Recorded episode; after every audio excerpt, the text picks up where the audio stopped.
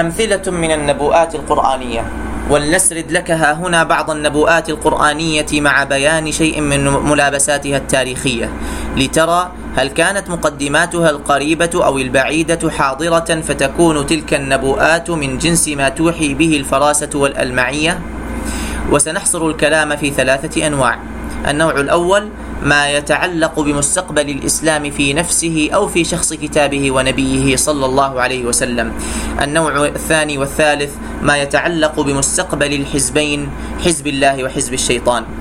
مثال النوع الأول مستقبل الإسلام وكتابه ورسوله. أولا ما جاء في بيان أن هذا الدين قد كتب الله له البقاء والخلود وأن هذا القرآن قد ضمن الله حفظه وصيانته. يقول تعالى كذلك يضرب الله الحق والباطل فأما الزبد فيذهب جفاء وأما ما ينفع الناس فيمكث في الأرض. ويقول تعالى ألم تر كيف ضرب الله مثلا كلمة طيبة كشجرة طيبة أصلها ثابت وفرعها في السماء تؤتي أكلها كل حين بإذن ربها. ويقول تعالى إنا نحن نزلنا الذكر وإنا له لحافظون. أتعلم متى وأين صدرت هذه البشارات المؤكدة؟ بل العهود الوثيقة إنها آيات مكية من سور مكية. وأنت قد تعرف ما أمر الدعوة المحمدية في مكة. عشر سنوات كلها إعراض من قومه عن الاستماع لقرآنه وصد لغيرهم عن الإصغاء له واضطهاد وتعذيب لتلك الفئة القليلة التي آمنت به ثم مقاطعة له ولعشيرته ومحاصرتهم مدة غير يسيرة في شعب من شعاب مكة. ثم مؤامرات سرية أو علنية على قتله أو نفيه. فهل للمرء أن يلمح في ثنايا هذا الليل الحالك الذي طوله عشرة أعوام شعاعا ولو ضئيلا من الرجاء أن يتنفس صبحه عن الإذن لهؤلاء المظلومين برفع صوتهم وإعلان دعوتهم؟ ولو شام المصلح تلك البارقة من الأمل في جوانب نفسه من طبيعة دعوته لا في أفق الحوادث فهل يتفق له في مثل هذه الظروف أن يربو في نفسه الأمل حتى يصير حكما قاطعا؟ وهبه امتلأ رجاء بظهور دعوته في حياته ما دام يتعهدها بنفسه فمن يتكفل له بعد موته ببقاء هذه الدعوة وحمايتها وسط أمواج المستقبل العاتية. وكيف يجيئه اليقين في ذلك؟ وهو يعلم من عبر الزمان ما يفت في عضد هذا اليقين. فكم من مصلح صرخ بصيحات الإصلاح فما لبثت أصواته أن ذهبت أدراج الرياح. وكم من مدينة قامت في التاريخ ثم عفت ودرست آثارها. وكم من نبي قتل وكم من كتاب فقد أو انتقص أو بدل. وهل كان محمد صلى الله عليه وعلى آله وسلم ممن تستخفه الآمال فيجري مع الخيال إنه ما كان قبل نبوته يطمع في أن يكون نبيا يوحى إليه. وما كنت ترجو أن يلقى إليك الكتاب إلا رحمة من ربك. ولا كان بعد نبوته يضمن لنفسه أن يبقى هذا الوحي محفوظا لديه. ولئن شئنا لنذهبن بالذي أوحينا إليك ثم لا تجد لك به علينا وكيلا إلا رحمة من ربك. إن فضله كان عليك كبيرا. فلا بد إذا من كفيل بهذا الحفظ من خارج نفسه.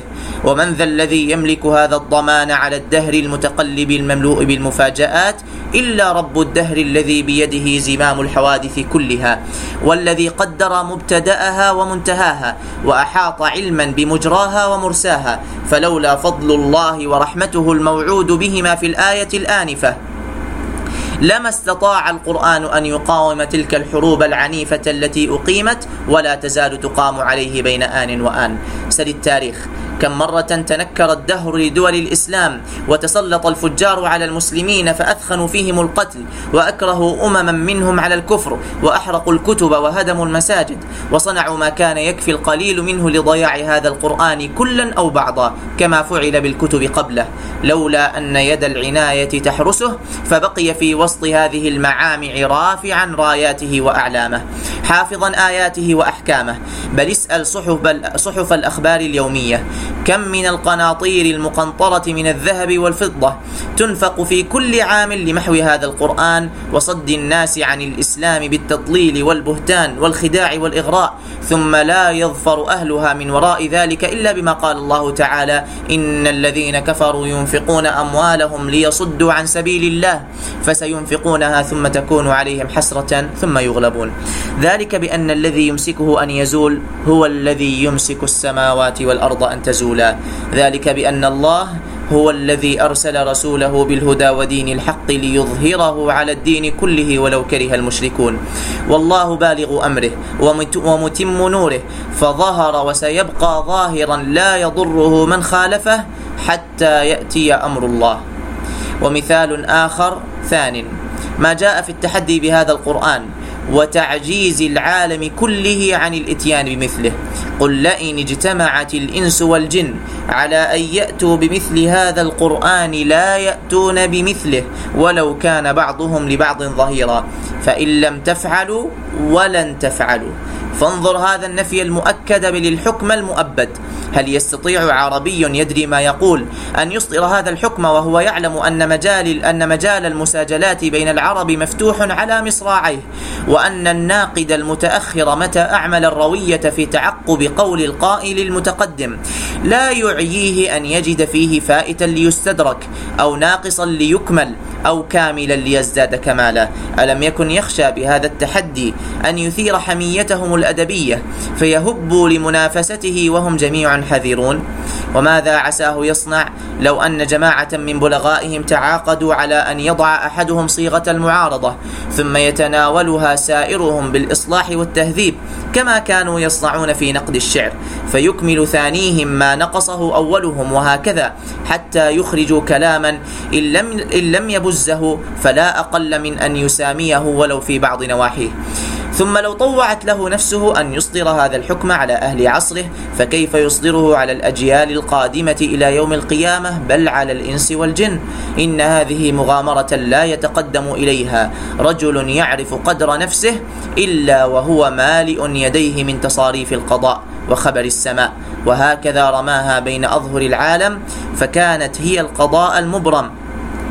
سلط على العقول والأفواه فلم يهم بمعارضته إلا باء بالعجز فلم يهم بمعارضته إلا باء بالعجز الواضح والفشل الفاضح على مر العصور والدهور. ومثال ثالث تلك الآية التي يضمن الله بها لنبيه حماية شخصه والأمن على حياته حتى يبلغ رسالات ربه. يا أيها الرسول بلغ ما أنزل إليك من ربك وإن لم تفعل فما بلغت رسالته والله يعصمك من الناس. إن هذا وأيم الله ضمان لا يملكه بشر. ولو كان ملكا محجبا تسير الحفظة من بين يديه ومن خلفه. فكم رأينا ورأى الناس من الملوك والعظماء من اختطفتهم يد الغيلة وهم في مواكبهم تحيط بهم الجنود والأعوان. إن هذا وأيم الله. ضمان لا يملكه بشر. ولو كان ملكا محجبا تسير الحفظة من بين يديه ومن خلفه. فكم رأينا ورأى الناس من الملوك والعظماء من اختطفتهم يد الغيلة وهم في مواكبهم تحيط بهم الجنود والأعوان. ولكن انظر مبلغ ثقة الرسول صلى الله عليه وسلم بهذا الوعد الحق. روى الترمذي والحاكم عن عائشة وروى الطبراني عن أبي سعيد الخدري قال كان النبي يحرس بالليل فلما نزلت هذه الآية ترك الحرس وقال يا أيها الناس انصرفوا فقد عصمني الله. وحقا لقد عصمه الله في مواطن كثيرة. كان خطر الموت فيها أقرب إليه من شراك نعله ولم يكن له فيها عاصم إلا الله وحده. من ذلك ما رواه ابن حبان في صحيحه عن أبي هريرة ورواه مسلم في صحيحه عن جابر قال كنا إذا أتينا في سفرنا على شجرة ظليلة تركناها لرسول الله صلى الله عليه وسلم فلما كنا بذات الرقاع نزل نبي الله تحت شجرة وعلق سيفه فيها فجاء رجل من المشركين فأخذ السيف فاخترطه وقال للنبي صلى الله عليه وسلم أتخافني؟ قال لا قال فمن يمنعك مني؟ قال الله يمنعني منك ضع السيف فوضعه. وحسبك أن تعلم أن هذا الأمن كان في الغزوة التي شرعت فيها صلاة الخوف. ومن أعظم الوقائع تصديقا لهذا النبأ الحق ذلك الموقف المدهش الذي وقفه النبي في غزوة حنين منفردا بين الأعداء وقد انكشف المسلمون وولوا مدبرين فطفق هو يركض بغلته إلى جهة العدو والعباس بن عبد المطلب آخذ بلجامها يكفها إرادة ألا تسرع فأقبل المشركون إلى رسول الله صلى الله عليه وسلم فلما غشوه لم يفر ولم ينكص بل نزل عن بغلته كأنما يمكنهم من نفسه وجعل يقول أنا النبي لا كذب أنا ابن عبد المطلب. كأنما يتحداهم ويدلهم على مكانه. فوالله ما نالوا منه ليلا بل أيده الله بجنده وكف عنه أيديهم بيده. الحديث رواه الشيخان عن البراء بن عازب ورواه مسلم عن العباس وسلمة بن الأكوع ورواه أحمد وأصحاب السنن عن غيرهم أيضا. وهكذا أمتع الله به أمته فلم يقبضه إليه حتى بلغ الرسالة وأدى الأمانة وحتى أنزل عليه قوله اليوم أكملت لكم دينكم وأتممت عليكم نعمتي ورضيت لكم الإسلام دينا.